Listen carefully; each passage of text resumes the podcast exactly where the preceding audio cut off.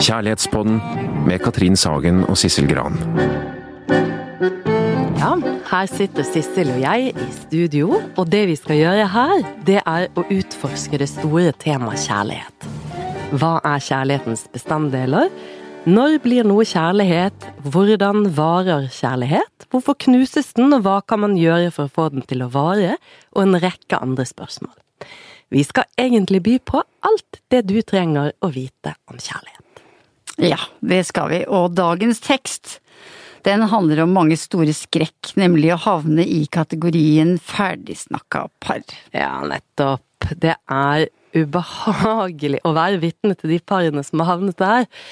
Eh, altså det vi kan kalle for taushetens dal. Mm. Og vi vet jo hva vi snakker om, for vi har jo selv vært der i faser i livet. Så vi skal jo ikke snakke om den gode stillheten, for det er jo ikke et problem. Det er jo mange par som lever sammen i periodisk stillhet og nyter hverandre, eh, fellesskapet, naturen. Det er jo da sammen i stillheten. Men det vi to skal snakke om, det er den vonde tausheten. Den ufrivillige og ofte ensomme tausheten. Mm, ja, nettopp. Mm. For man kan jo lure på hva som egentlig foregår inni sånne par som eh, virker ferdigsnakka. Altså det, det, er jo mennesker som ofte virker ja, sosiale og sprudlende overfor andre. Mm. Uh, men de slukner liksom totalt når de er henvist til hverandre. Og vi vet jo litt om hva som rir sånne sånne par og sånne mennesker, fordi psykologer vi møter jo ofte par som har havnet der i taushetens dal. Mm. Kjærlighetspodden er laget i samarbeid med møteplassen.no. Hele Norges datingside. Ja, det er jo en fotograf som heter eh, Martin Parr. Mm. Han har i årevis uh, hatt som prosjekt å knipse par som sitter tause og mismodige på restaurant og kafé. Veldig, veldig gøy, alle ja, de bildene.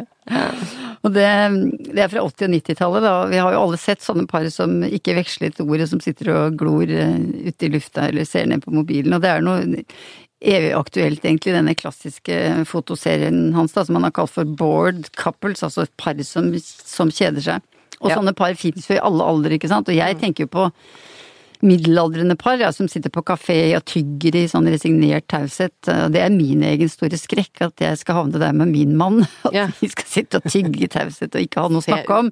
For vi ser jo ofte sånne middelaldrende par som ja, de småprater ikke engang om det som er enkelt å snakke om. Altså de andre gjestene eller mennesker som går forbi, eller maten eller prisen eller vær eller morgendagens program. Det er liksom bare helt stille. Mm, eller Min, min, skrekk er jo disse å bli sånn type småbarnsforeldre som snakker veldig ivrig og glad med alle andre, men aldri sammen med partneren sin, da, eller hvis eh, man gjør det, så snakker man da bare om barna.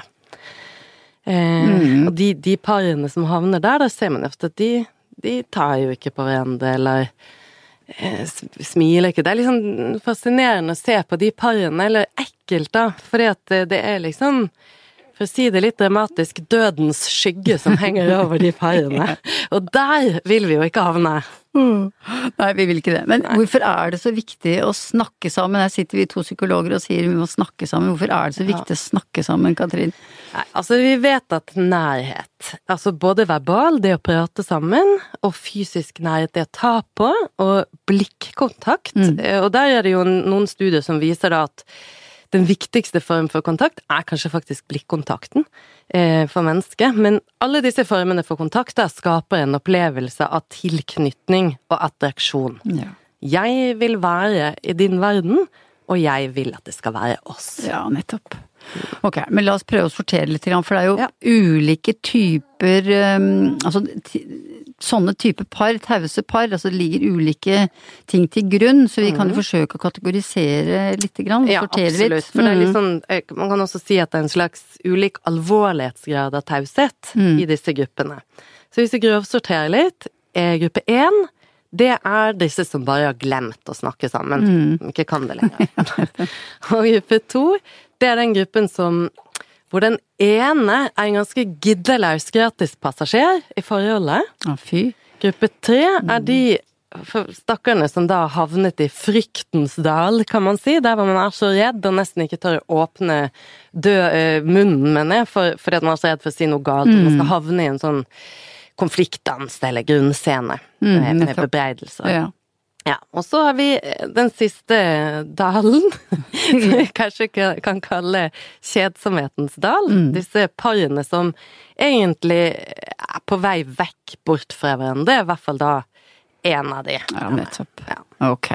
Det er sikkert flere òg, men der har vi, vi har mer enn nok å ta av eh, der, altså. Ja. Mm, Så la oss se på den første Første kategorien. Altså, vi kan bruke et litterært eksempel, egentlig, fordi um, eh, Nina Lykkes blodferske roman 'Nei og atter nei' altså, beskriver på en måte veien inn i eh, det å ikke lenger huske å snakke sammen. Altså ikke vite hvordan man skal snakke sammen. Der, I den boken så møter vi paret Ingrid og Jan, som har to halvvoksne sønner, og slik begynner boken, og det er Ola G. Furuseth som leser. Hva er vitsen med å slite og streve på skolen bare for å få seg en jobb og et hus og noen barn, og så fortsette å slite helt til man dør? spurte Jonas da han var 13. Hvorfor ikke bare bo i en campingvogn og leve på trygd? fortsatte han. Og Ingrid greide ikke å finne et svar. For hvorfor ikke bo i en campingvogn, tenkte hun. Hvorfor ikke leve på trygd? Og hvorfor ikke bare legge seg ned? Hvorfor ikke bare gi opp? Dette var arven. Her kom sykdommen hun hadde brakt med seg. Dette ikke-livskraftige som hun kanskje hadde greid å bekjempe i seg selv. Men se her, nå hadde det dukket opp i Jonas, og snart kom det til å dukke opp i Martin også. Og de kom til å bli deprimerte og overvektige og spille dataspill døgnet rundt. Heldigvis kom det ikke mer av dette slaget, men omtrent ett år senere sluttet begge sønnene å snakke. Fra den ene dagen til den andre gikk de fra å kvitre som småfugler til å stirre stumt ned i hver sin tallerken. Når foreldrene forsøkte å få dem med i praten rundt middagsbordet, kom det bare et og annet grynt ut av dem. Ingrid og Jan prøvde å holde en samtale gående seg imellom, men i nærvær av de tause, tyggende ansiktene var det vanskelig. Og i tillegg var det som om de hadde mistet evnen til å snakke med hverandre, etter alle årene med avbrytelser. Ja, dette er jo kjent stoff for mange par. Eh, og disse er jo den første kategorien, ikke sant? Eh, hvor livet så lenge har vært fylt av, fylt av oppgaver, barn, logistikk. Det har jo på en måte glemt hvordan de snakker sammen, mm. og, og, og hva det er å være et par. Ja, nettopp, altså. Men du tenker vel at de kan komme på sporet igjen? Altså, mm. Løpet behøver ikke være kjørt for, eh, for sånne par, altså, men hva kan de trenge altså, for å komme på sporet igjen? Begynne å snakke sammen igjen? Ja, ikke sant. Hva kan de trenge? Jeg tenker at noe av det viktigste er jo å åpne opp for den pinligheten eller den redselen de kjenner på.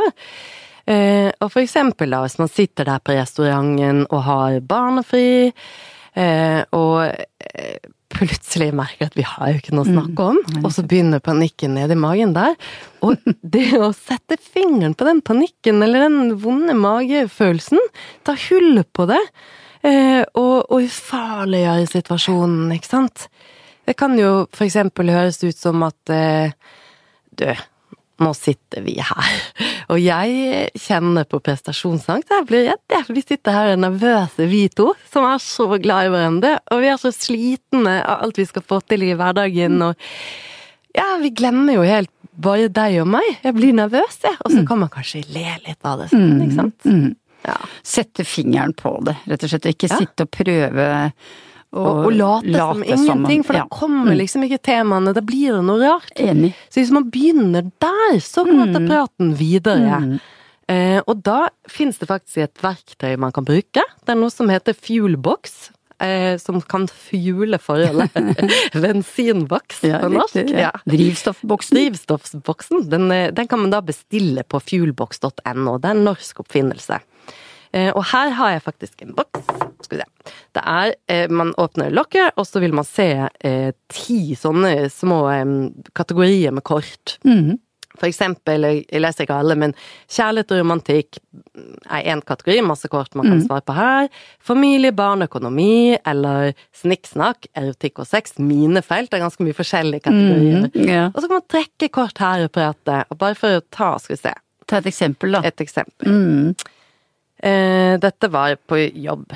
Hva er den beste tilbakemeldingen du har fått i jobbsammenheng? At du da spør kjæresten om det, rett og slett. Mm. Og så prater man om det, så det er liksom ganske ufarlig, men litt sånn inn i følelseslivet allikevel. Det gir mening å snakke om, ikke sant?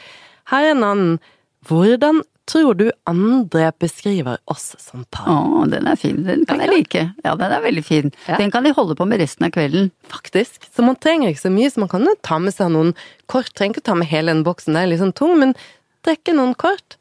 Enig. Sitt og snakke om det, da er du litt i gang. Ja, helt klart. God idé. Mm, Så den, jeg har brukt den også i gitt den til par som har kommet til meg, som har tipset, tipset om denne, som forteller at den er nyttig. De bruker den hjemme og til til litt vin. Det er ikke terapeutisk verktøy, det er litt mer en verk, leke Eller komme litt ut av det når de er blitt litt Ja. rustne, rett og slett. Helt riktig. Ja.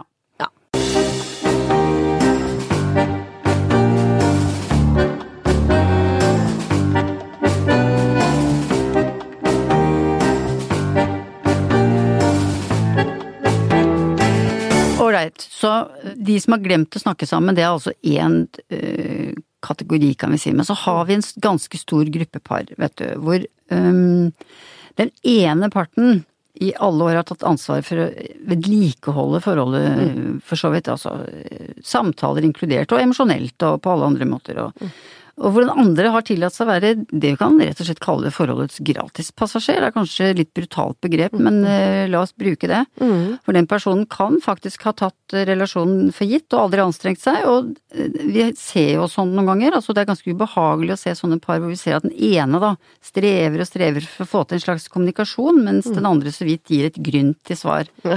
Og det, det, det som er, ja det er ikke godt altså, det gratispassasjeren ikke forstår da, det er at ett sted på veien, ikke sant, så kommer den aktive til å gi opp Mm. og bli hva vi kaller en utbrent forfølger, rett og slett.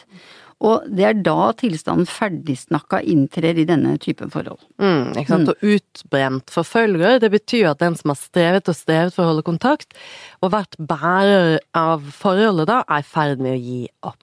Mm. Så sånne par treffer jeg ofte på jobb i, i terapirommet, og det det er jo vanskelig, for noen, noen ganger så vil den der tidligere aktive ha koblet seg av av kjærlighetsbåndet, og føler da at tilknytningen til partneren er brutt. Og vedkommende har altså rett og slett begynt å fantasere om et nytt liv uten partner. Ja, Fordi ja, det er for smertefullt for han eller henne, og, og, og de føler at de nærmest er ferdig med å dø sammen med den Ja, andre. riktig. ikke sant? Ja, det er faktisk ganske alvorlig. Ja.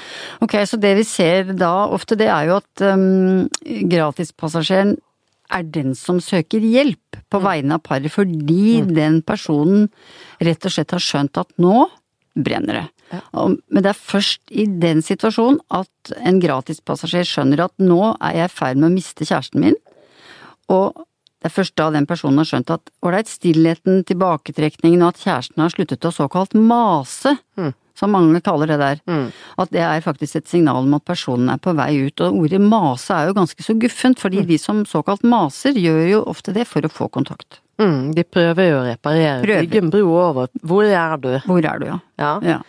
Så det, så det er helt riktig. Det er ofte gratispassasjerer som våkner på en eller annen måte. Mm. Og da kan man jo se det begynner jo å gjøre kubben gjøre alle tingene. Vaske opp, lage middag, prøve seg, prøve å liksom finne frem tilbake. Og det, det, det er jo et reparasjonsarbeid som da starter i terapirommet for å finne tilbake, sånn at partene kan finne tilbake Riktig. til hverandre, reparere. Eh, som, som er et møysommelig og ganske spennende og fint arbeid kan være. ja. Men har vi med en virkelig utbrent pådriver, en som har holdt på lenge og blitt skuffet og skuffet og skuffet og følt seg alene enormt lenge, og dermed ikke tør å håpe lenger på parforholdet sitt, hvor pros- trosprosjektet da liksom er helt knust, da er det veldig vanskelig for en terapeut Ja. å hjelpe, rett og ja. slett. Det er jeg enig i. Det har jeg også erfaring med, altså. Så ta den masingen på alvor. Mm. Ja, du et par det- hvor du kanskje kjenner deg igjen, Virkelig. så ta det på alvor om du da er den som er den aktive, eller den som er gratispassasjer. Ta dette på alvor. Ja. Stopp med en gang. Redd forholdet. Ja, for det er jo det er jo ikke alltid for sent, altså der hvor den ene, selv om den ene parten har vært dårlig koble, altså til å koble seg på, til å være framoverlent og til å ta initiativ. For det er jo ikke hugget i stein, ikke sant, at en sånn person ikke kan klare å rive seg løs eller endre seg, men det koster en del, altså. Riktig, det er, ikke, det er absolutt håp. Og eh, hvis, hvis da den gratispassasjeren våkner og skjønner at nå må jeg ta stafettpinnen, da, for å si det sånn, nå må jeg være den årvåkne, jeg må være oppmerksom på kjæresten min, da, da, er det, da er det håp. Ja. Ja, Du er nødt til å vekke pådriverens håp, da, Ja, du må sånn. vekke den utbrentes, Ja. eller nesten utbrentes håp, da, om Ja. at eh, eh, At det er sanne intensjoner Mm. her. Nå er jeg på, jeg vil ikke miste, jeg har ikke skjønt det før. Unnskyld, hva er det jeg driver med og har Ja. drevet med? Sånn at den utbrente tør å åpne hjertet sitt igjen. Ja, det er en poetisk og fin måte å si det på. Ålreit, så ja, det er det altså. Fordi, men altså, gratispassasjeren må forstå, det er veldig viktig, at her handler det ikke om et lite blaff, altså. Men at her handler det om en ommøblering av roller, rett og slett. Eh, og det vil kreve ganske lang tids arbeid for den personen å endre sånn veldig etablert eh, atferdsmønster. For det er ganske behagelig å være i den tilbakelente rollen og være den som eh, Blir servet og Ja. får det Mm. riktig. mm, Og den utbrente har også en jobb å gjøre, og det er å ta imot den andres bestrebelser, selv om ikke det blir perfekt med en gang, og kanskje til og med oppleves litt hjelpeløst. Ja, helt klart.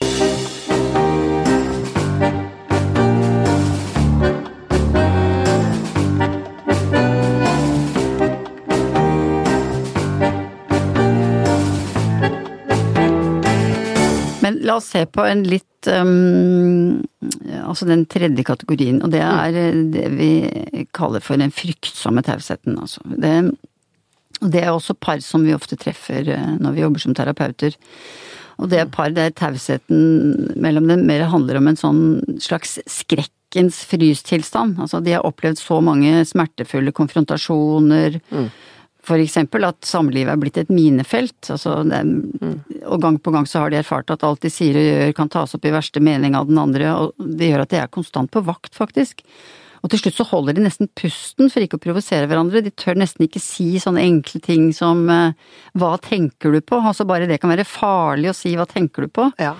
For de er så redde for at dette vil utløse vonde, uhåndterbare følelser. um, så, så at ingen tør å ta sjansen på å melde at det de virkelig føler er ja, at de er redde, altså at de er lei seg, og at de lengter etter nærhet. Vi ser jo mange sånne par, og vi ser jo at det er jo kjærlighet mellom mange av dem, men den er skjør, altså. Mm, det er en sånn type kjærlighet der hvor man virkelig som terapeut og medmenneske må tenke at kjærligheten har mange ansikt. Mm. Eh, for den, den kan se ganske hard ut, denne kjærligheten, men det er beskyttelse, ikke sant. Så det er jo liksom litt sånn numne, nesten, sånne par som dette. Og utfordringen er jo å prøve å hjelpe, hjelpe dem til å klare å snakke fra et sårbart sted, som vi kaller det, vi psykologer. Og det, det å snakke fra et sårbart sted kan for eksempel være å si Du, eh, jeg har blitt så redd for at du skal bli sint på meg, eller at du skal få misforstå meg, eller at skal, det skal komme galt ut det jeg skal si. At, eh, at du til og med skal slutte å være glad i meg, og at vi skal havne i den vonde grunnscenen vår igjen. At jeg har sluttet å snakke, eller jeg blir helt stille på grunn av det. Så redd. Ja, riktig. Det så, det, da viser du sårbarheten. Da snakker du fra et sårbart sted. Ja. ja. Mm. Um, det er en tekst på et album av, um, av Hilde Louise Asbjørnsen. Altså, det albumet heter Nå vil jeg vake med deg, og den eh, eh, og det er en, eh, en låt der som heter Hva tenker han på? Altså, den illustrerer en sånn fryktsom taushet, altså en sånn taushet som har etablert seg i et parforhold fordi man ikke vil vite, tør ikke å spørre, tør ikke å snakke om eh, noe som handler om følelser eller forholdet. Og det, opprinnelig så er dette en tekst av Ole Adolfsson, og så er den gjendiktet på helt fantastisk måte av Edvard Hoem, og det er Den skal vi høre. Den skal vi høre. Den skal vi høre. Det skal vi høre. Og det er Ola G. Furuseth som leser. Hva tenker han på? Hvem tenker han på? Nett nå, når han sitter der og leikar at vi to sitter her i saman. Etter middagen med en vinkaraffel, og jeg har slutt på en kveld. Nei, ikke er det på meg, det veit jeg. Hvem tenker han på. Til hvem vil han gå? Nett nå, når han sitter der og leikar at vi to sitter her og snart skal gå og legge oss, og snakke lite grann og ha det bra. Ja, ikke er det på meg, det veit jeg. Iallfall ikke på meg. For det har han ikke gjort siden hvem veit når. Gjør noe. Si noe. Det er snart for seint. Han har sikkert funnet seg ei anna. TV-kveld for TV-kveld brest trådene av. Snart finst bare kvelden. Still og mørk som ei grav. Hvem tenker han på? Til hvem vil han gå? Nett nå.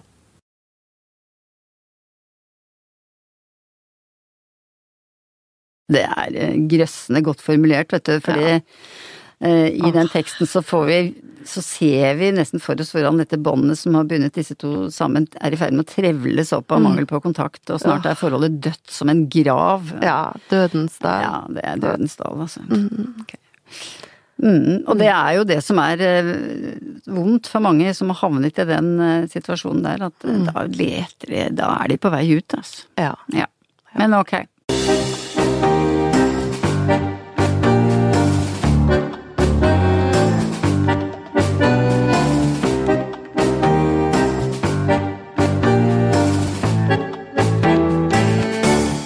Ja, da er det den siste kategorien som vi ikke har snakket om ennå. Vi kan kalle det for kanskje kjedsomhetens dal. For, for noen par så handler jo denne tausheten mellom den om nettopp det, dødelig kjedsomhet. Eh, Lang, lang tids eh, bortfall av forventninger, mange år uten følelser, og da både gode og vonde følelser. En sånn nummen eller stillhet innvendig og utenfor. Det er ikke så mye frykt lenger, mest resignasjon, de er gitt opp. De venter bare på en anledning eller grunn til å komme seg videre alene da, eller med en annen. Og de parene syns vi ikke så veldig synd på, ikke sant? Vi gjør jo ikke det. Nei, de greier seg. Ja, de vet jo at det, nå er det den siste sommeren de har sammen, eller påsken, eller hva det skulle være. Og de planlegger litt sånn inni seg, på en måte, utgangen. Og der ser vi jo ofte at bruddene, de, de skjer jo ofte uten så veldig mye dramatikk, egentlig. Og, og ofte så kjenner begge en sånn slags gjensidig lettelse over å være kvitt hverandre. Eh, og noen greier også å bli venner, eller se på hverandre som venner etterpå. Mm. Ja. Ja. Det er jo mye som kan skjule seg um, under Ja. den vonde tausheten i et forhold, ikke sant. Mer enn det vi har snakket om. Men, men hos ethvert sånn ferdigsnakka par så er det én stor følelse som til syvende og sist får overtaket, og den følelsen er faktisk ensomhet. ja. Så vil vi beholde hverandre, så gjelder det jo at vi strekker oss ut mot hverandre med jevne mellomrom. Altså Man må gjøre det. Ja. Du må holde samtalen i gang, rett og slett. Altså om stort og smått, og man må anstrenge seg for å vise genuin interesse og være engasjert i hverandres liv. Altså hvis vi slutter med det, så er det nesten garantert at den ene eller begge vil føle seg ensomme og forlatt i forholdet og begynne å lengte etter noe mer og noe annet. Ja, for det er jo, det er jo liksom Altså dette her med den klisjeen om at det vondeste er å være alene sammen. Det er riktig. Eh, Det er riktig. Vi Ja, må ta riktig, det innover oss. oss. Det er grusomt. Ja. Eh, For den gode stillheten som vi snakket om innledningsvis, er jo å være stille sammen. Det er ikke alene. Nei, det er helt ok. Ja. Så det vi kan si, litt sånn oppsummeringsvis, eller du oppsummerte jo egentlig nå du, men dette med hva, hva det er som knekker forholdet, det er jo en slags form for, for dødsangst, kan vi si. Frykt for å kjede seg til døde, eller for å gå glipp av selve livet. Eh, Miste seg selv, føle seg isolert, utradert, eh, eller fremmed for seg selv, er det mange som snakker om. Jeg kjenner ikke meg selv igjen. Eh, og for å motvirke denne følelsen, da, denne langsomme døden, så gjelder det som sagt å holde kontakt og fylle på tilknytningskontoen, du og jeg, og være årvåken og oppmerksom. Gidde å bry seg, ikke bli lat og unnvikende. Det er jo sånn at det er nesten ingen ytre rammer som tvinger oss til å holde sammen, ikke sant. Det er verken slekta eller skammen over å bli skilt eller samfunnets krav, altså derfor må vi selv lage de rammene. Mm. kjærlighet handler jo om følelser, men vi må huske at kjærlighet er større enn lykke. Innimellom, iallfall. Og at kjærlighet også handler om disiplin og anstrengelse og vilje til å endre seg for parforholdets skyld, for å si det sånn. Ja, jeg syns vi skal slutte med den appellen der i dag. Kjærligheten handler om disiplin og anstrengelse. Og at kjærlighet er større enn lykke. ja. Kjærlighetspodden er laget i samarbeid med møteplassen.no. Trygg og seriøs dating på nett.